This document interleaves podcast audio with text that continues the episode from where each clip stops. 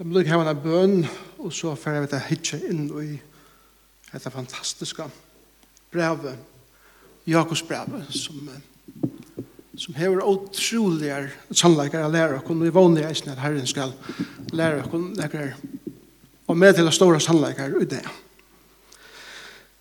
Jesus, takk for det at at du har sagt at De som fylgjøt her etter for å oppleve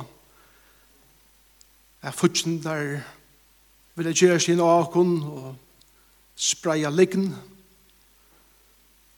slæter, ikke at gjøre enda av den tænaren, men jeg testa fyrir at her tu eisen sagt vi okkur at vi skulle elska. Og takk fyrir at sjálft i tøyen som hæsar, som så mange uppliva så er det korsene sel. Selv under det tungt. Så takk det for at du er styrst jokkere. Jeg takk det for at du er han som bergist fyrir okkon, og jeg må si at det er utrolig at tro på det halda seg stittlan. Men takk det for at du gjør okkon tan frien. Jeg halda okkon stittl og lyta av at du er han som, og i ödlen løsning som måste han byr fyrir okkon. Jeg pryser deg for det.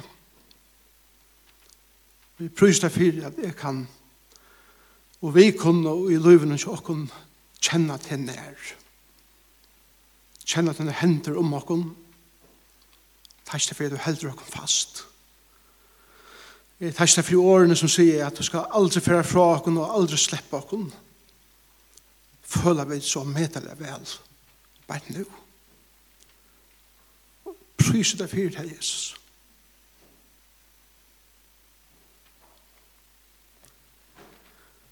Jeg tæst deg så innelig fyrir folkene som eisne er i hese samkomne her. Som elskar te og som brenna fyrir her. Og jeg byr meg til å sikna kvann einstakan. Og vi tæst deg fyrir hvordan du leit av kun jøkkens i årene. Og Og jeg bygger Herre Jesu om at du vil leie oss fram. Og du vil leie oss vujere inn i tynar store sykningar og sannleikar. Jeg vil oppleve Herre en storan einleika stora andaliga vetjing, personliga og jeg kan ikke løyve Herre. At du vil nema vi oss. Og jeg ber meg til å sikne til et år i morgen som vi slo opp i brevet til Jakob som han skriver i til Hvis menneskene som var spjattet ut om atlan ta verande romerske heimen som er jo nei som er vilst men en testa fyrir hvordan du brukte Jakob til å skrive til brevet til Terra, som vi i det, som vi der her i det kunne lære og medelige nekve av. Så vi prøver takk til fyr, tøyt år. Ikke takk til reisende fyr, jeg vil heve det, og akkurat ekne mal av føreskånd. At vi kunne slå av Bibelen opp og lese tøyt år av føreskånd til Det er jeg om medelig takksom for god. Og hjelp oss å skilja det, med mest av ødelen, hjelp oss å liva et år. Og Jesu navn. Amen. Jakobs brev kapittel 3, og det er derfor jeg tar så om vers 16 og 18, som er noen fantastisk vers, midt i ødelen som som, som uh, de strøyast vi om klamtor og slætor og synd i løyven. Så det er akkurat som Jakob sier ikke, at det er det som det snur seg om.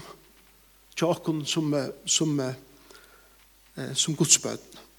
La meg lese disse årene om visdom. Eh, Jakobs brevet, 3 kapittel, og vers 16 og 18. Og til jeg var så leis, Vysdommeren omanifra er fest regner. Så gjerne frisammer, milder, lealier, fotler av miskun og gåen og avvøkste, utan flokka kjensla, og ikkje best eite.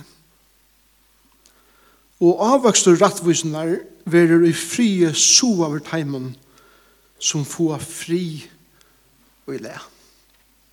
Fantastisk vers. Fantastisk år. Og Arne for vi er, la meg så slå opp på første kapittel og minne noen av et vers som er her. Um, og til vers 5. Her leser vi Men fattast omkron av tikkun visdom, så bier han til god om hetta. Og han som djever ötlun gjerna og brykslar ikkje, så skal han være hånda given. Fantastisk han. Og lyftet i det er om okkun tørvar visdom, og det her tørvar, okkun okken kvønte, visdom av livet, så sier Gud, beinleis vi okkun i versen, og Kom til min, bi om det. Bi om visdom inn i livet. Bi om visdom inn i eh, situasjoner i livet som du er i. Og Gud skal gjøre deg det. Gud skal borra jeg det fire der som du har bruk fyrir i løsens omstøven. Og så da vi kommer i, ut i kapittel 3 og versen som vi just har lyset, så er det akkur som at Jakob sier, og forresten, her er nærke av visdommen som Gud vil gjeva der. Så la ser det ut og i tøy daglige delen tja okkon som er utsikvande at, at få visdommen omanifra. Og det betyr bare simpelthen visdommen som kommer fra godes, visdommen som kommer fra himmelen, visdommen som kommer fra færen, sonen og hele andan, inn i okkara liv og inn i okkara daglige omstøver i livene som hjelper oss at navigera livet vel. Jeg var ikke kjent et navn eh, som heter Warren Wiersbe. Warren Wiersbe var en fantastisk bibellærer. Det var en gammel med hvor han døg i år. Han døg den 2. mai i år. Han var omstander i forsen til han døg, og hei, hei leva alt sitt liv eh, som en fantastisk prædik med vår og herrens tænare. Han eh, platt var jo først at eh, hitta eh, yngre menn og kvinner som trakka av inn i tjenestene. Og han gav dem alltid sier tru røyene som var fantastiske visdommer. Eh, til videre hvordan unger og man er, man er brakkeligur, man vil leipa fram av, man brenner for noen ting som er fantastisk. Det er godt å få visdom fra eldre, erfarne mennesken. Og han sier så leis vi, hese menneskene som eh, eller yngre folkene som trakk av en tjenestene. Det første var ikke teka en gær nyer før en to verst hvor han var setter opp. ikke teka en gær nyer før en to verst hvor han var lever fra første tøy av. Og det som man sier i tog er til at ofta så, så er man øyla brakkligur og man bare ignorerar noen ting og, og, og bryter gamla goa sier vi nudgen visjonen og han sier ikke gjerra det her utan du først kannar. Hver kommer dette fra skal det bråtast nyer eller skal det varveidast visdommer så sier han for det andre ikke grenja om de første trinene av en stia Tog det var de stiene som førte deg opp her som du er nå. Det er eisende visdommer. Ofta har man hod, har man nedkommen eh, Jeg synder alleis, og jeg er erfaring, og, og stoltleis kommer inn i livet, så vi er, at man har hod hva kritisera det som ikke kommer lykke lengt. Men jeg minnes til at en av vars to her eisende, Og, og, og hese stiene skulle vi ødel jøkken, ikke kritisere det. Sjøtten to er kommet langer i livet.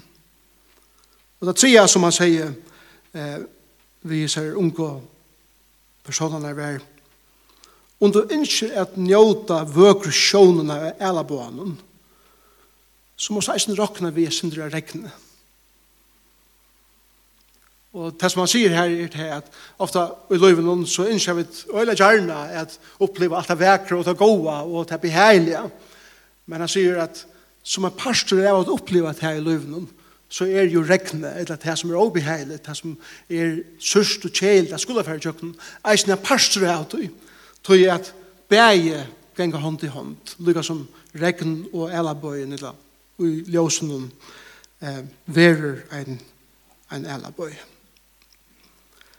Jeg husker om visdommen fra så nekvån, godsmannen og godskvinnen, oppsøkken øldene som er hevet så med det, store står viring for dem. Jeg husker om Hudson Taylor, Hudson Taylor ble kallet over til Indien at nei, til Kina og Indien at at at tæna herran og han tante. God fullkomlig isolera av ensamhetler og så om et eller annet var. Og han sier så leis en av at Guds versk utint og Guds, eller, og Guds hot Guds versk utint av Guds hot kommer ångandøy at mangla Guds kraft. Amen. Guds versk som vi gjørst etter hans herra meireglun, hans herre hatt, for i at mangla Guds kraft. Han var eistan som forresten sier, en fyrir vi en unga mann som sier vi han, er det så feil at det heva stilt løten om måten der, altså er det ikke bare funnet bare å lese om det det og så videre. Er Og, og Hudson Taylor brente prisen her at det er viktig å møte herren først. Og man trakker ut i, i gjerne stegen. Og man fyrir arbeids at møte herren. Og hans sier vi det er så farligt. Og han sverer så leis at en god tonleikare stemmer gittaren av den konserten. Og det er visdommer ut i heisene. At, at man fyrreikar seg til å fære ut i dagen, Tog at vi standa fyrir som nekvun frestingen og avbjøringen og gjøkken dagen. En andre kvinne som jeg elsker å lese om og høre om er Kori Tambun som er sett i Trablinka fengalevene sammen med søstersunne Betsy og opplevde rævleikene av nazi-Tyskland. Og hun sier såleis, Læt Guds lyfter lysa at hun er trobeleikar. Vi ørner om hver trobeleikar som vi møter i livet noen, gonger alt i hånd i hånd ved en lyfte som Gud hever til tøyen og i hæsen trobeleikar. Læt Guds lyfter lysa at her trobeleikar som du hever bænt nu i livet noen, Guds lyfte om at han skal leia til kjøkken det. Krøk til ut det. Kvendt det. Og det gjør det i hånden og i sunne rævleikon i løyvinen. C.S. Lewis, som jeg eisne elsker og har stora virin fyrir, sier einas sannar så leis, at lyta av god må byrja av nudjon kvende. At lyta av god må byrja av nudjon kvende. Vi lever ikke på gamla søver. Vi lever ikke på hvordan det var fyrr. Vi tar det inn i det og sier, og i morgen vakner jeg, i morgen trætje ut ur sønnsene, og jeg sier vi god, atter i det. Atter i det. Her vi er avlid av her. Kvann det. Chuck Swindoll, som var faktisk med som lærte meg at hele. Han var stjåret av Dallas Seminary, da jeg var nærmengur her som jeg står av virring fyrir, og han sier en av sånne så leis, Vi standa öll framme for veldig møveleikon, vekkust innbattlegar som av møvelegar omstøver. Fast er samme som at vi først møter av tingene løyven som ser ikke helt av møvelig ut. Omstøvene ser ikke helt svart her ut. Og det som han sier er til at akkur herbeint er det største møvelegane for å veksa i løyven, eller at henne herren og en særlig hatt er det. Mor Teresa er eisen en annan personer som, som hever haft av, av medelig en visdom i kjøkken livet. Og hon, hon sier en som så leis. Vi er tryggfor ut til luttla, tøy til er ut i luttla, styrketøyn ligger. Det er fantastisk eisen. Vi er tryggfor ut til luttla, tøy til er akkurat ut i luttla, de smave gjerne, Det var lyttel og setningen om hver okkar styrke ligger. Og til nemlig det som Jesus sier reisen her, Kristian, at takk, du går ut trygg for henne her, først, trygg for til lytla. Små tingene i livet. Og disse folkene som jeg har siterer, det er folk som har fyllt ved gode, tjøkken alt sitt liv, og som har vært så mye avhengig av gode i tjøkken sitt liv, at hei, hei, levdu i hesson god kjemar visdom at liva liv. Og til det som Jakob gjever okkur, og lette okkur hitje er dessne åren bare kjøtt, som er så medalja rujk. Og jeg vil, jeg vil si at vi til kære bror og kære syster som er her i dag, god stendur, sutt fyrir der, som, som vi sitter her i dag, god stendur vi utratten ørmon, og hans herre lekvar er fotler ui hesson visdom som han vil givet her. Hette fyrir te, hette fyrir me, jeg bygger om, og han skal gjeva okkur det, hvis vi vilja teka mot det og, og liva etter tog som, han, som hans visdommer er. Og tog sier Jakob at visdommeren åmannen fra er fyrst regner. Fyrst er han regner, det er akkur som at til det fyrsta, til det viktigaste at han er regner. Og året her er, er er et år som betyr at det ikke blanda vi noe annet. Det, det, det er oblanda. Det er, det er pura rent. Her er ikke miksa oppi. Salmer 12, 6 sier så det at år herrans er rein år, sier salmeren. Det sier seg som ta i god taler, ta i henda bogen taler, så er det pura rent. Her er ikke miksa oppi som gjer til orent. Og han sier at, at om vi liv og gjør nærforhold i årene og vi høvenden av årene, så kommer akkurat liv og eisene at vi, vi får visdom i hvordan vi lærer at livet rein liv. Jeg også tar som Johannes sier i fyrra eh, Fyrsta Johannes brev 3, 3, hver han sier Kvørt han, og jeg vil hesa vogn til hans her, til det vognen om at du kommer Jesus her. Rens her så sjølvan, Ein og han, altså Jesus Kristus, er regner. Og, og det som det betyr for okken er det at vi ødel strujas vi syndeløven. Ødel er okken synda. Og vi har bruk for å be av Guds visdom inn i livet til okken, så er det at vi ikke vil folk som lever i vana synd. Ja, vi synda og vi vender vi fra det. Men ta det er ting som vi har kommet atter og atter, eller vi ikke vilja er vi okkur som vi vet i sindeløyven, som mangler okkur visdom. Og herren sier vi okkur, bi visdom inn i herbeid. Og jeg også om, jeg, jeg vet som til, til unga, når jeg leser til her bøysen da, um, hin heila i bardagen, jeg kan kjenne til her bøysen da, men i råkker til som er eldre kjenne til her bøysen da. Og jeg minnes til at papen min leste henne firmer til jeg var unger, at det er utrolig uh, eh, søvan om det som gonger fyrir seg inn i løyven som en person er andelige, om eiapostor og øyrapostor og ødelstingene her på om hvordan, hvordan henne ønte gjer seg inn og eh, løyven som det tryggvande, for at de ikke skulle leva som løy for herren. Så kom jeg hugsa om det her, hvordan viktig det er för okken og för meg personlige, at anse etter egna pastor Det er ans etter hva det er som er suttje, hva det er som er tætje inn i tjøkken min ei, øyraporster, hva det er som er veldig at luste etter og tætje inn til min, eller munnporster, hva det er som er lærte å komme ut tjøkken min munn, og det som er sige i mennesker. Beinene eller føttene her som er færre. Jeg vil regne betyr at jeg anser etter, Og jeg ser en standard for hva det gjør og i løven og hva det ikke gjør. Og jeg har bruk for som visdommen og i min løve som vi ødel heva.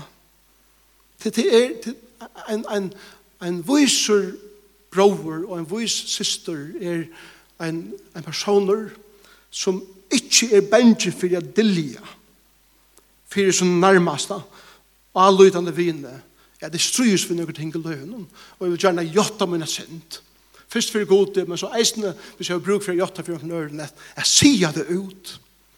Så la at jeg skal missa makten i meg. Så la at jeg kan leve et rent liv. Hudson Taylor sier en av sine så leis at en tryggvande som innskjer at liva i sannon himmelskom visdomme kan ikke spyrja sånne tankar, år, gjerer, motiv. En bedre spurning enn hentan Er du regner? Er du regner? Og Herren sier, det kan jeg gjøre deg. Det neste året er frisammer. Bakstavlig er at året skal året omsettes friar elskant. Kan man, man kan omsette på tammat. Ein person som elskar fri Og shalom er et fantastisk ord som her vi fri og harmoni at gjøre. Er være einleika. At, at lyga mykje hva leikar åren og ombakken, så velger jeg at liva i fri og spreia fri her som jeg kom. Til konan som heima er frisal og alt vi, vi det gode åren.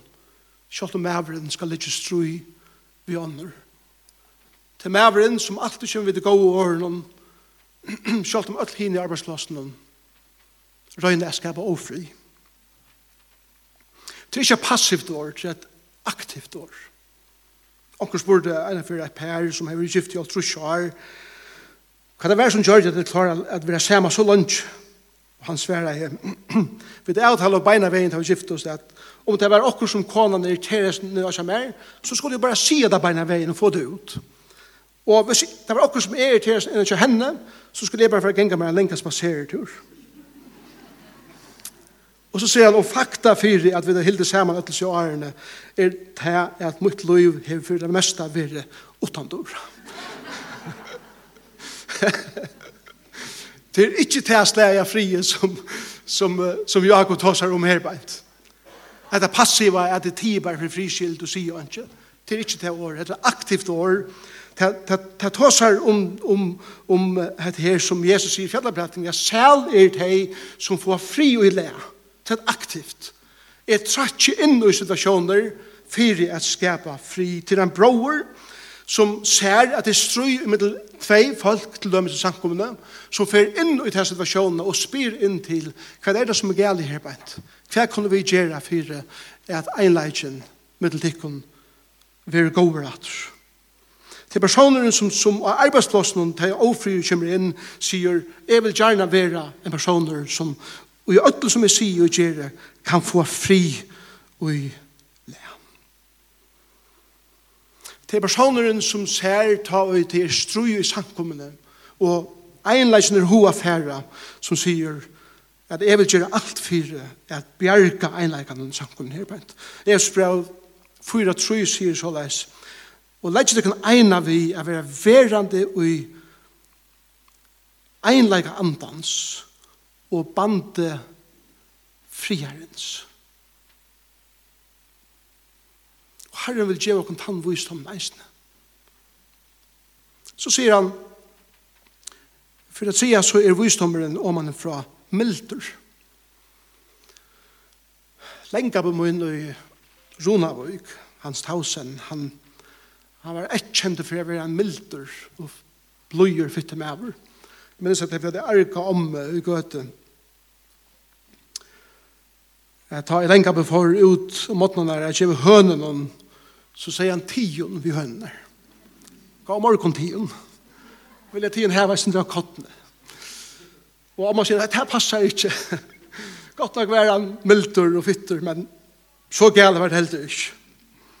Men, men det er det her som ligger ute, og det er meira som ligger ute enn det. Det er stjåren som ikke legger ut etter arbeidsmannen som ikke klarer seg vel for tøyene. Det er han tog seg tøy å spyrje inn hva det feiler. Og hvis en arbeidsmann fikk tøy å fortelle stjåren, eller høy å fortelle stjåren, at det har en sånn heima som strøyest vi svarer sjuk. Tøy er det strøyest arbeids til mildleik. Det er en person som, som huksar om ånder. Men året er meir enn det. Og det er trobult året omsett. At er akkur sier at året er eisende at, at det er ein som vil behandla vår ytla og kanskje utspiltur av øren og som vil atlan rett og myndeleika at verja seg og sver atter men han veler ikke Bare ikke svære, eller han veler, ikke best, ikke svære atter, negativt, men at svære atter vi signande år. Wow, det var fantastisk han. Og det er det som Jesus uh, byr okken gjera i uh, Matteus 5, da han sier, jeg sier til henne, elsker fortjenter til henne. Sikne deg som banna til henne. Gjer ut heimen godt som heta dykkan. Og bygge fyrt heimen som hoa dykkan. Og søkje et dykkan. For at hit kunne være bøtten færgstikkare som er himmelig her. Ikke fantastisk? Hatt det samme som Paulus tar seg om i, i Rombraunen, da han tar seg om at tar vi svære eh, hætri at vi karlaika, så er det som å sauna gluande kål og høtti i egnet minnes pappa min på at jeg forteller en søve om at en person, en taler, jeg kan tale om at her at samla kål, kluven til kål er høtt i akron, og en kål kommer til at han sender og helser på i horene, og hun sier at her var et fint hoskål til sånn at vi kluven til kålen. Jeg har prøvd kokende vatten, for jeg prøver kluven til kål. Skjønner ikke hva det mener vi. Men kluven til kål er at man føler at Ta og jeg vil mishandle en person, men jeg vil behandle meg ved karlæga, Så gjør det nekka vim. Jeg vil avvåpne av. Og det er den visdommen som Gud vil gjøre åkken inn i akkurat liv. Eisne. Så er det en lia liur. Det er et øyla stuttelig år. Til nekka vi er åpne å gjøre. Faktisk er det vi undergjønne å gjøre. Det er med som er åpen for at høyre ånder.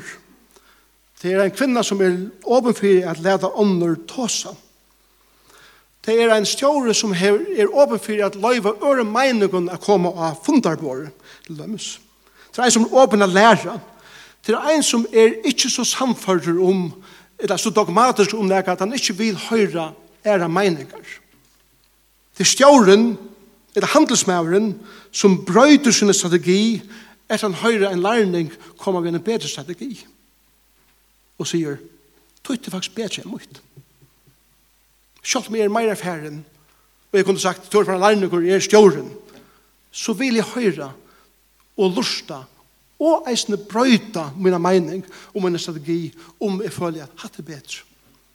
Stoltleik vi til borster og vi høyre andre folk tala inn i akra liv. David konkur opplevde dette her enn Det var med som er at uh, Nabal som spilte han ut og, og David sier seg fyrir at nå får jeg drepe han.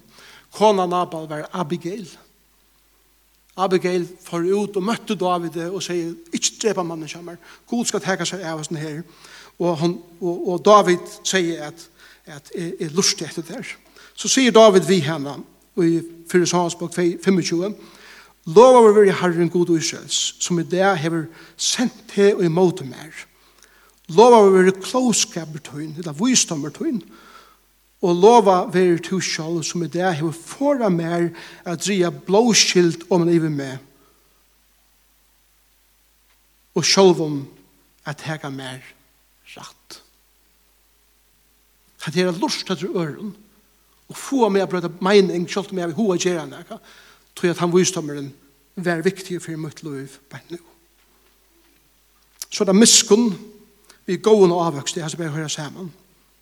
Miskunn er et aktivt år, det er å være hjelpsammer, det er å ha samkjensle vi øre mennesken. Det er et unga pære som er nøygift, og de flytter inn inn i hus av gøtene kjøs her, og de oppdager at langt nere av gøtene, her bor en eldre antja som ikke klarer seg så vel. Og de får benke på kjønne og sier, kom vi hjelpe der vi har noen, kom vi hjelpe der vi er kjøpet inn, kom vi hjelpe der praktisk, det er mennesker som teka altså miskunn er sikna andre mennesker som, som ikke har en rødt, som ikke klarer seg vel, som har bruk for hjelp, og sier, jeg vil gjerne være vid til at hjelpe deg og latte om ditt liv. Og, og så sier han at avvøksen av tøyver og medelige gåver, det er takkstemme, at karla ikke og vina bond vil at byrja i jøkken til, det skal bevån, det gjør helse, det det minkar om strångt som menneskjon, det gjør glede. Praktiskur kristendommer, at hjelpa rent praktiskt. God gjør meg vys om å sutja det er det som Jakob sier. Hvis vi ber God om å vise oss tørvene rundt om oss, så skal han gjøre oss det. Og vi trakker inn og hjelper øre mennesker som har bruk for å hjelp. Så er det åttan flokkakjensler, et annet år, som er fantastisk år til unga gentan som ikkje finner seg ui at ånder vera utestangt eller utefrist ut av vinarskæra. Til ungdomsleieren som ikkje løyver imenskon meiningon om sekundærting er at splitta ungdomsarbeid. Til foreldrene som opplærer sånne bøtt i hesson at öll er skapt lyka og er lyka nek verd og i egen gods. Lyka mykje for hulet du hever etter at mal til snakkar. snakkar. Og så sier han det senast i vers 16, og ikke best eite. Og Året eite er utan hikl ektaur. Og hessen døven så, så var det ofte artister som var bittner om å gjøre eh, listaversk. Eh, at høgga til dømes til en person, en kjente person ut, så det kunne være som en flott standemenn. Og så var det hendet av i kvart at anleit i liot, og han lykka gjør noen fa ting rundt om nøsene, og ta støkker, og er størst pette, stakk, på, stakk ur nøsene, og just marmøren som han arbeider vi. Men det skal alle være morgen, så spør jeg hva gjør jeg? Og det som det ofte gjør det, er at det høyde et veldig harskt materiale, et slag av vaks, um, som det er så kort og ut av brottene øke, og, og pusset det til, så er det at det ble leveret, så sa løsen funnet ut. Tropelen som er bare han at ta og så heter listaverset hver tidsi ur hesten her rumen som det var bygd, ut i brennande solen her som det skulle standa. Og solen bæka i at det. Så smelta i vaks. Og det rann i jord, og man sa bråte ved nøsene. Og til, til mynden er sånn åren om at, at vi, vi røyner pynte på oss selv. Vi røyner at, at hver er vaks og i ødelig bråten i oss løyve. Og vi er ikke ekte her. Og så tar solen stendere av oss, eller vi, vi, er, vi, vi er utsett for alt mulig til løyvene som virkelig koster oss noe. Så smelter vi det. Det som er oekta. Og det som han sier, visdommer gods er hettar, at det er ødelig løyves som er bare å være ektaver. Hette er jeg, hette det som er strøyest vi, hette det som er gledest om i løven. Det som du sørst er det som du først i løven. En personer som, som ikke lett som om, til lærere som ikke lett som om at han veit alt for nærmere Til stjåren som ikke lett som om at han har kontroll av øtlen. til eldsten i en sankum som ikke lett som om at han har kontroll av øtlen, men er åpen om sine trobeleikere og som sine strøy. Det er personer som tårer å si ja, og lette sitt ja være ja, og ikke si ja til jeg mener nei. Jesus sier, lette ditt ja være ja, og lette ditt nei være nei. Vær ekte av oss. Så samla om at her verset, så vil jeg si det såleis, tryggvande, de har en visdom som god fegen vil djeva dem, som søker ham som fyrst hever et hjärsta som ikke er smitte av synd. Det betyr ikke det at vi ikke synder, det gjør vi, men ikkje som velur av livet synd. De elskar fri, de er åpen fyrir for at andre hoksa og vilja lære av teimen. De er vinsom. Gjørsen tar er fotla kærleika mot menneskjen, og muskun og nage er det som teller det etter seg her som teller å være de er rymlig, og de gjør plass for øre mennesker rundt om båret, her de sida og fortelja en er sanna og ekta av søvå om sitt liv. Og så endrar vers 18 vi har sier etter, og vi skal enda nu. Og avvokser rattvisene er veri fri i so over soverdheimen, som får fri og le. Det er fantastisk vers 16.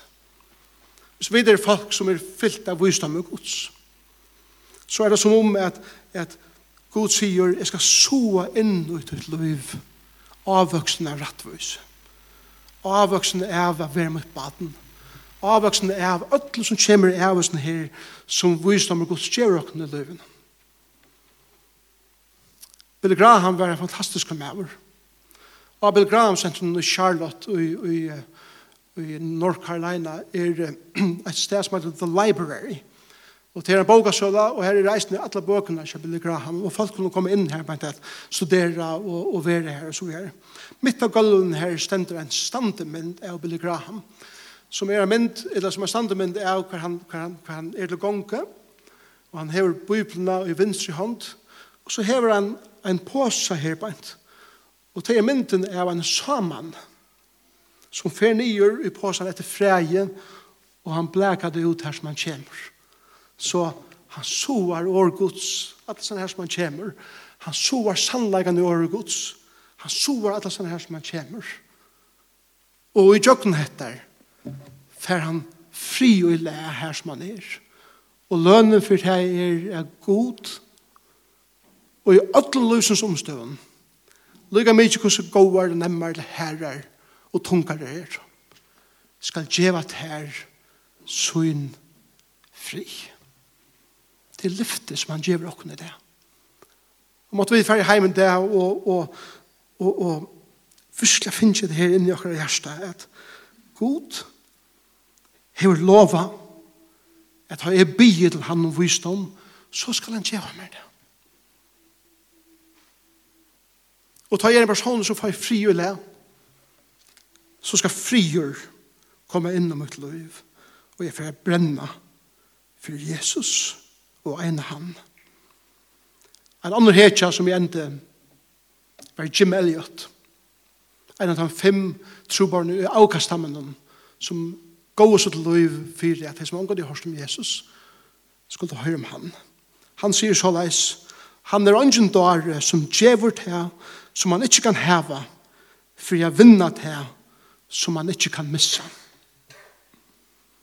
Han er ungen dåre som som djever til, eller offrer deg borster, som du ikke kan behalde her i løven, for jeg får til, som du ånga det kan missa.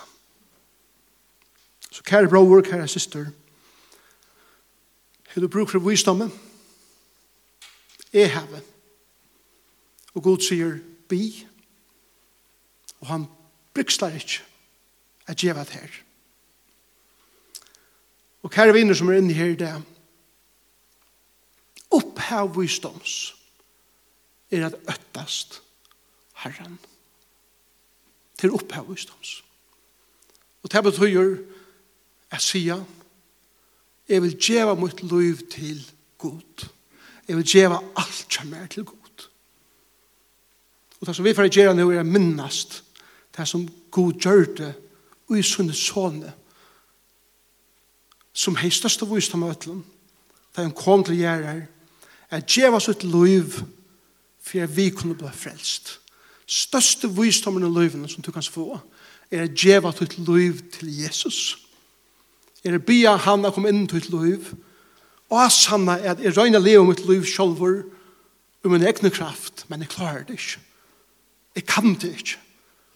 Og bjóa Jesus inn til liv som døy fyrt her Golgata krosset som reis opp at du sier det igjen som får heim til himmels og gjer sunne bøttene sted til røyer.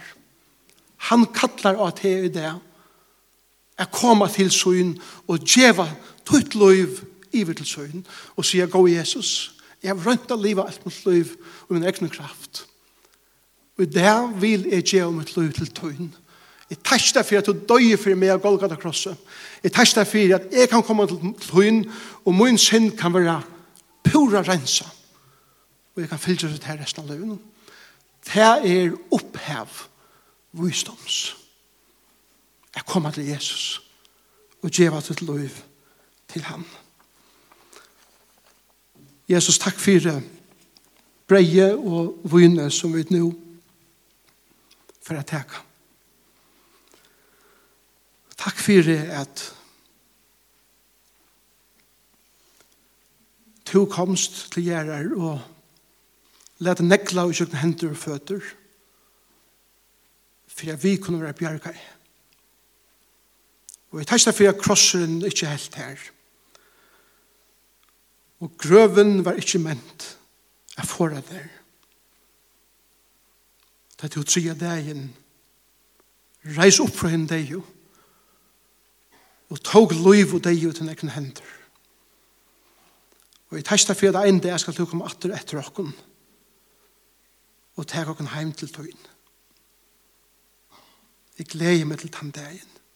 Men inntil ta, så gjør vi dette her sundet etter sundet, og minna hva annan ha, hva to vi gjørst, og er det vi narskast, da vi saman skulle sutja til anleit, til anleit. Prysa vi ditt navn. Amen.